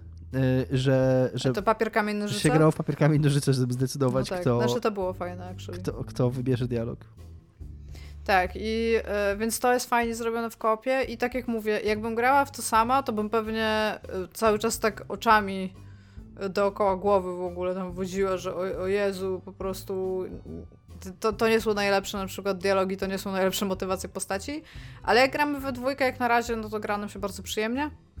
E, no, ale to mówię, Tomek już mówił o tej grze dużo i no, ona ma bardzo dużo problemów technicznych, tak samo jak Cały pierwszy czas, tak? i drugi Wasteland miał. No w tym momencie, no, ja ci powiem tak, jeżeli gra nie kuma save'a, to jest coś już bardzo z nią nie tak, nie? W sensie tak, tak na maksa, po prostu, no jeżeli musisz sześć razy powtarzać walkę, bo coś, to to, to nie jest cool. To jest... Y, y, no nie, Zdarzają niedobre, się takie mniejsze Ona na początku miała gigantyczne problemy techniczne. Ja w nią grałem tam chyba kawałek czasu po, po jej premierze i ona nadal miała problemy techniczne i teraz jeszcze, jeszcze od mojego grania tam minęło z pół roku pewnie i nadal ma problemy techniczne, więc chyba tak, jej nie tak, naprawiają tak. za bardzo. Jest na przykład też taki patent, że jak się poruszasz drużyną, to tam masz, e, jako że tam na padzie e, gramy, no to możesz zrobić coś takiego, że wybierasz wszystkich i wszyscy się poruszają, albo możesz jedną postacią na przykład się poruszać, nie? I e, mojemu ziomkowi, e, on ma tu taką rewolwerowczynię, ja nie pamiętam jak ona się nazywa, tego tam dzieciaka. Też nie No pamiętam. to on ją ma, jakby ona chodzi za nim i jak wchodzimy do jakiejkolwiek lokacji, to ona mu się odznacza, więc on może przejść całą mapę, bo my lecimy w grupie jeszcze z kotem w kapeluszu i cyborg kurczakiem, który chyba teraz zginął i mam popugę, mi się wydaje, bo to, to też jest w ogóle, to pokazuje, jak ta gra do Okej. siebie podchodzi. E, więc jak biegamy z jednej strony mapy na drugą, a gramy zwykle w dosyć dużym oddaleniu, no to my nie, nie widzimy, czy ta laska została, czy nie, nie zwracamy na to Lucia uwagi. ona się na przykład tak. I potem przychodzimy gdzieś i chcemy wyjść z tego. Z lokacji do tego takiego znacznika przychodzimy, że chcemy gdzieś przejść i gra ci mówi zbierz drużynę i wiesz, i on teraz musi wziąć tą babkę z drugiego końca drużyny sobie zaznaczyć i biec do nas z powrotem. Jest mnóstwo takich technicznych w ogóle małych rzeczy. Dzielimy oczywiście inwentory pomiędzy siebie, więc jeżeli mamy jedną kurtkę, no to tylko jedna osoba może je może ją założyć. I co mi się jeszcze nie podoba e, tak ogólnie, ale ja już nie pamiętam, bo ja gram tylko w jedynkę, więc ja w, dwójkę to nie pamiętam, czy są ten. Nie potrafię znaleźć opisów połowy przedmiotów. Takich, które mogę używać. To mają taki opis śmieszny, na zasadzie co tam się dzieje, no, tam haha, hihi, co robi to, ten, w sensie co to jest, ale nie ma na przykład napisane to użyte w walce daje status efekt taki w takim i takim radiusie. Takie niby podstawowe rzeczy byś powiedział w walce turowej, nie? Że, że być może powinny mi się przydać. Ale same walki są fan. W sensie fajnie mi się strzela i klika i to, że są, one są takie x-komowe bardzo, to, to, to, to jest w porządku. Tylko, że trafiasz, jak masz 63%, to, to raczej trafiasz. Więc grałam bardzo dużo w tego Wasteland 3, jeszcze go nie skończyłam. I, ile ty, Tomek, pamiętasz? Wsadziłeś w to godzin? Nie, nie 30 pamiętam. godzin pewnie jest, co? Się- Wydaje mi się, że więcej. Wydaje mi się, że z 50-60. Sprawdźmy na How Long to Mm, Beat. My, ba- my bardzo długo w to będziemy grać najprawdopodobniej, No właśnie, bo jeszcze tak. we dwójkę gramy i gadamy. Jak się więc... gra drużynowo w takie gry, to, to, to mnie mm, Divinity 2 przekonało, to, to trwa i trwa. To, to się nie kończy tak No, naprawdę. ale jakby ciągle mamy w tym momencie fan, oprócz takich momentów, gdzie wszystko po prostu technicznie się rozpiernicza, więc wtedy nie jest okej. Mam dla ciebie A- oprócz-. How Long to Beat No. Main plus Extras pokazuje 50 godzin, czyli pewnie z jakieś 100 tak naprawdę. Jest jakieś 100, no. Będzie dobrze. Na szczęście moja postać jest bardzo asholi, że jestem malutkim. Na asshole, szczęście, na więc- szczęście. Na szczęście, no, więc jakby ja nikomu nie pomagam i wszystkich okradam.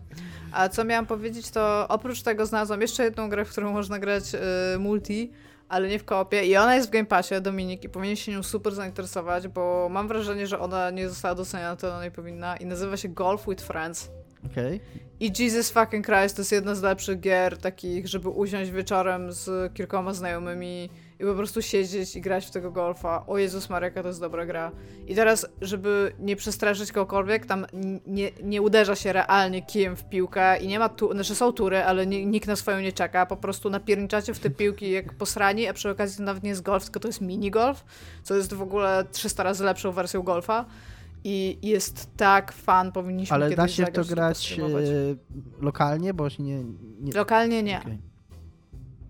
Ale on, znaczy tak mi się, wy... wydaje mi się, że nie, bo wiem, że ta gra w ogóle ma jakieś takie strasznie złe recenzje właśnie z tego powodu, że to jest najgorsza gra multiplayer, że nie da się grać w nią lokalnie, couch-co-opowo, ale łączenie się w ogóle z kimkolwiek do tej gry, to, to jest po prostu najlepsze łączenie się Xboxowe, jakie istnieje, nie? że po prostu odpalasz sobie to i jak ja widzę, że ty w to grasz, to mogę kliknąć jeden przycisk i już jestem w twojej grze i na piłkach można mieć czapki z jakiegokolwiek powodu i one się nie kręcą z tą piłką. To jest po prostu, to jest tak idiotycznie dobre w ogóle. To jest po prostu, to, to, i to, ona jest zupełnie stresująca, bo chcesz uderzyć tą piłkę tak, żeby ona za pierwszym albo za drugim, kurde, razem wpadła do tego dołka, ale siedzisz i po prostu chcesz robić takie Tony Hawk'i, hardkory w ogóle grawitacyjne i fizyczne, żeby się poodbijać tak, żeby polecieć jakoś głupio. Jest mega, naprawdę super, polecam. Czekaj, jest ona jest zupełnie stresująca? Chyba zupełnie nie stresująca. Jest super stresująco Aha. dół, jak grasz z kimś. Bo to jest takie. Mógłbym to zrobić prościej i, i tam, ale więc, w większej stresuje? ilości uderzeń. Albo zrobię to tak, żeby ludzie byli like super cool z tym, co zrobiłem. I potem ci to nie wychodzi sześć razy, ale już jesteś zainwestowany, więc zaczynasz przegrywać, bo im więcej masz punktów, tym oczywiście jest gorzej. Więc zaczynasz kurde kombinować. Jest mega, tam ludzie już po prostu krzyczą. Jest, jest super, naprawdę bardzo polecam, jest super fan. Okej. A na koniec mamy dla Was jeszcze sekcję komentarzy.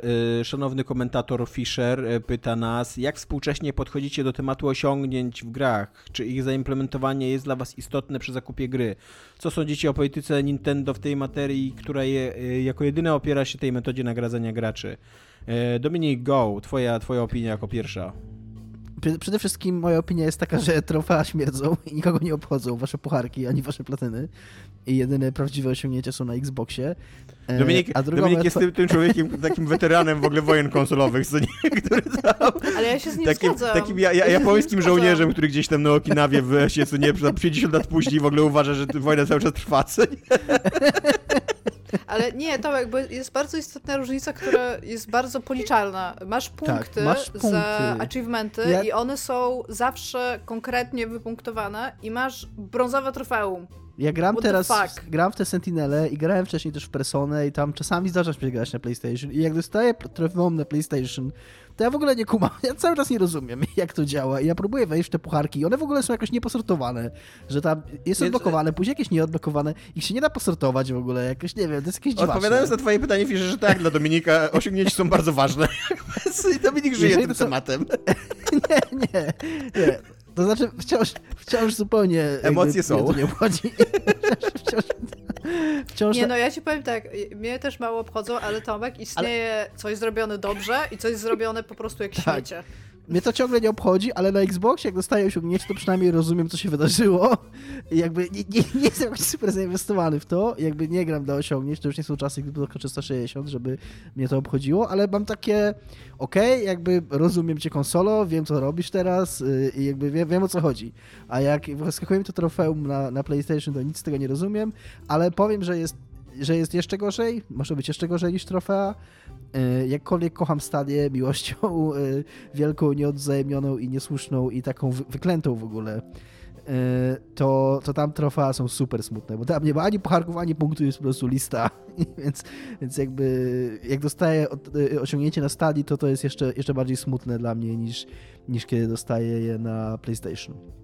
Więc ale... tak, Dominik nie, nie, nie, nie, jest, nie jest fanem osiągnięć, ale... E, ja powiem tak, ja, e, ja bym chciał tutaj e, może nie stanąć w obronie tych trofeów Sony, ale chciałbym trochę, trochę Microsoftowi też dowalić, ponieważ e, to jak działają osiągnięcia na apce Xbox na PC, to jest w ogóle smutny żart. Właśnie grając teraz w, w The Medium, e, dostawałem jakieś osiągnięcie. One czasem wyskakiwały na ekranie, czasem nie wyskakiwały. Nigdy, nie, nigdy się nie zorientowałem, gdzie mogę sprawdzić, jakie mam osiągnięcia. A, a tak jakby z ciekawości czystej włożyłem taki wysiłek, że gdzie ja mogę sprawdzić, które to osiągnięcie mam i tak dalej. Więc, e, więc coś, co być może Microsoft zrobił dobrze na Xboxie, to już na PC niekoniecznie. I jedyne, co mnie w miarę ucieszyło, to, że jest ten odgłos głos, którego bardzo dawno nie słyszałem, bo bardzo dawno nie, nie miałem że, do czynienia z Xboxem. Dobry, Więc tak, to jest jakby, tak. ja się zgodzę, że na, na, na projekcie, na, na poziomie takiego sound designu i... Yy, graficznego designu, to te osiągnięcia Microsoftowe są dużo, dużo fajniejsze. Jakby tak dużo lepiej są zakomunikowane, co nie, że teraz tu się coś wydarzyło, co nie? A rzeczywiście tak, z trofami mm, sonowy, sonowymi, które mam teraz, mam teraz PlayStation, Wysykują... to jest taki, że a, co, co tu się właśnie wydarzyło, co nie? Znaczy, wyskakuje jakiś taki, jakiś taki komunikat tam, straciłeś dostęp do internetu, tam, nie wiem, e, trofeum, nie? takie, tak, takie, tak. tak. e, aczkolwiek mam tutaj... Trofeum za stracenie dostępu do internetu. Nie, chodzi mi o to. Tak, na poziomie, na poziomie emocjonalnym mam totalnie w dupie osiągnięcia. Kiedyś, kiedyś byłem trochę ratygałem takim e, achievementkowym. Pamiętam, że, że wchodziłem nawet na Achievement Hunter e, i tam e, sprawdzałem, co trzeba zrobić, żeby dany achievement mieć i, i, i przejmowałem się tym. A teraz mam to centralnie gdzieś, jakby tak.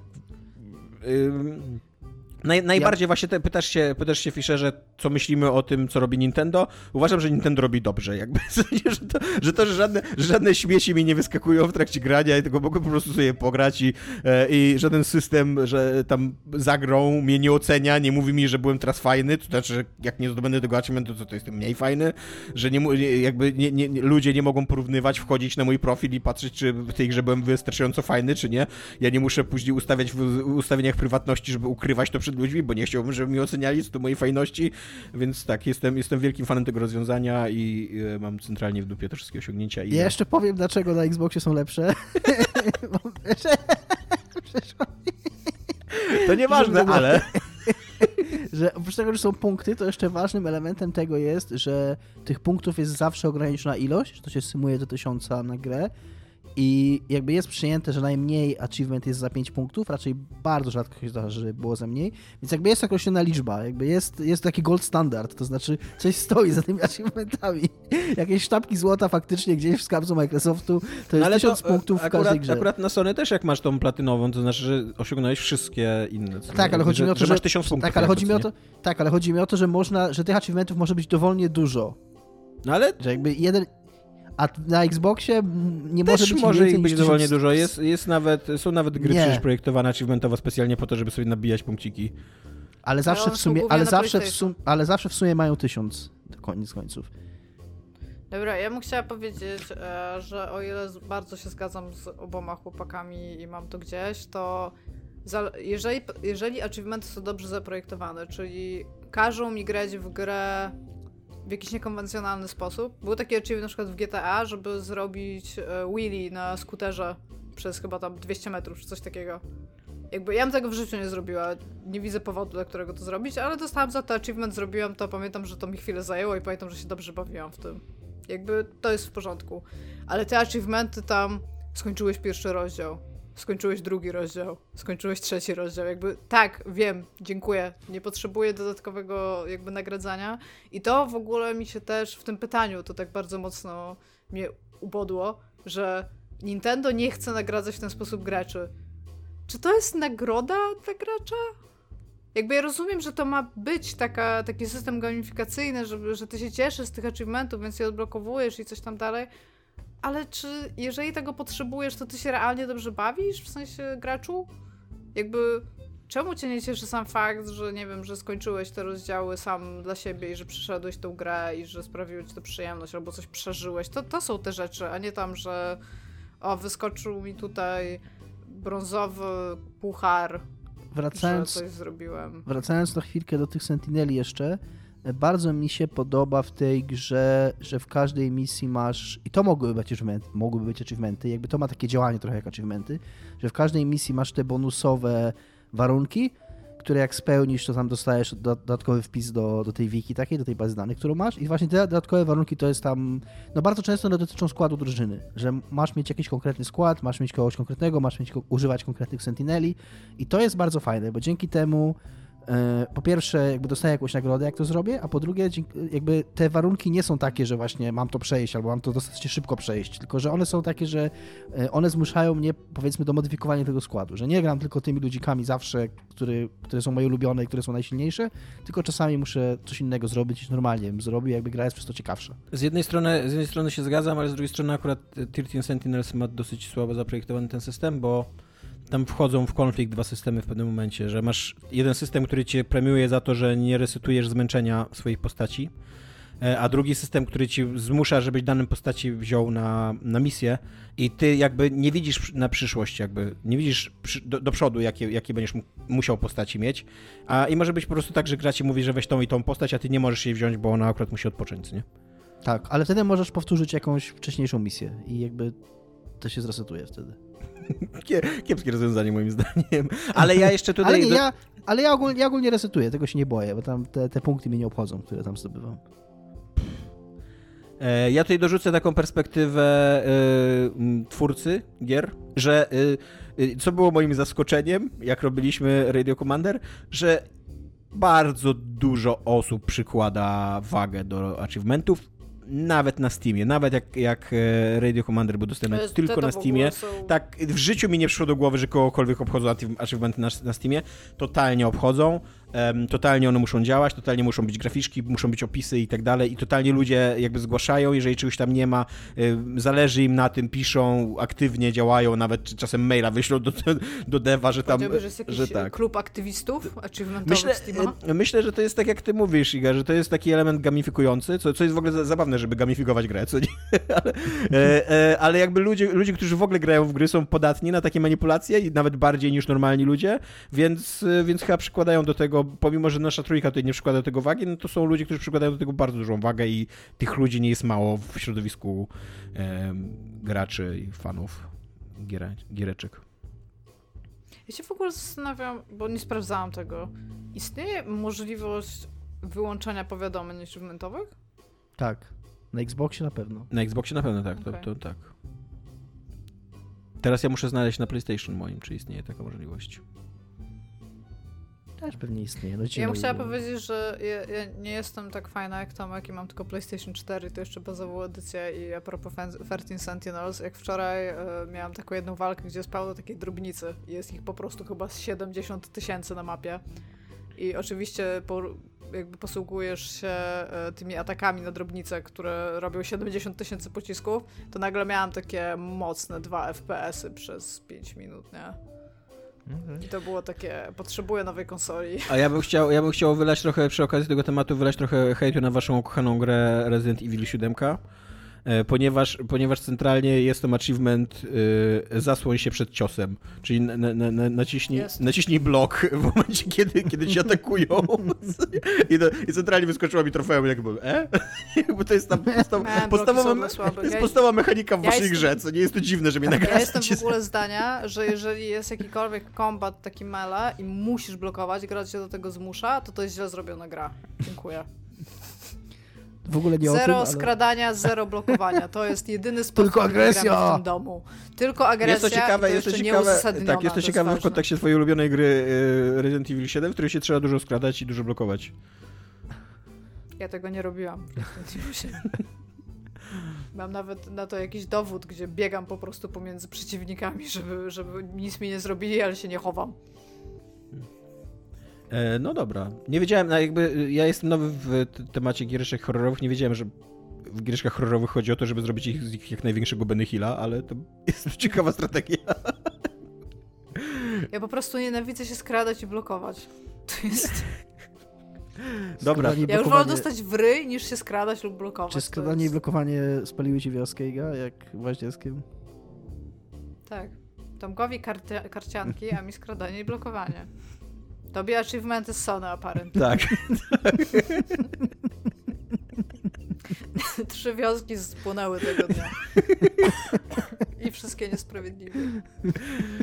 To nie są achievementy! To są już na trofea, wiesz.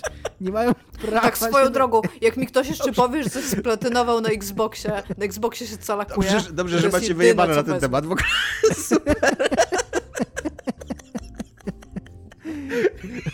Totalnie wyjebane. Achievement, achievement, kurde. Jakieś trofeum z dupy. No dobra, to tyle mamy dla was dzisiaj przygotowane. Cześć, na razie. No pa. Cześć.